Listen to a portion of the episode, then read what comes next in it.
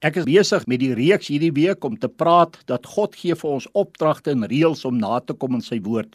Die son kom nie op wanneer dit wil nie. Seisoene het 'n tyd van kom en gaan.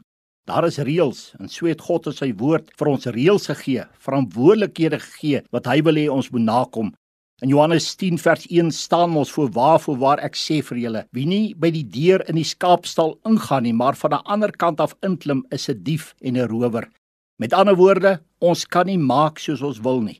Kom ons kyk na die opdrag en reëls in verhoudings. Daar is verskillende verhoudings.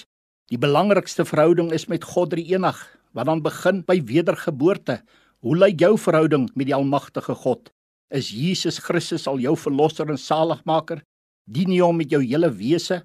Ek vra nie of jy godsdienstig is nie. Ek vra, is God die Enig die belangrikste in jou lewe? In die tweede plek kry ons die verhouding met ons medemens. Ons kan nie met mense maak soos ons wil nie.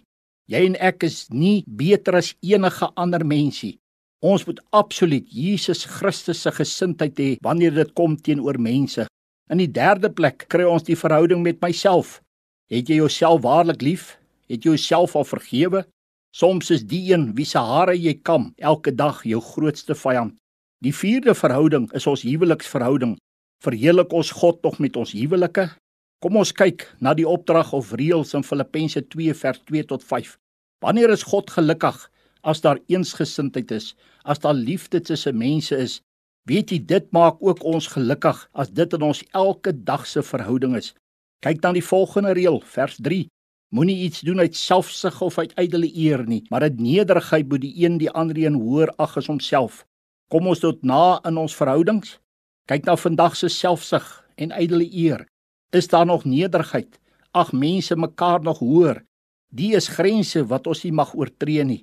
Hoe wonderlike land sal Suid-Afrika nie wees as ons mense dit wil nakom nie. Maar ons vind dit nie in hierdie land by al die mense nie. Mense veg mekaar. Hoekom wil ek dit dan doen?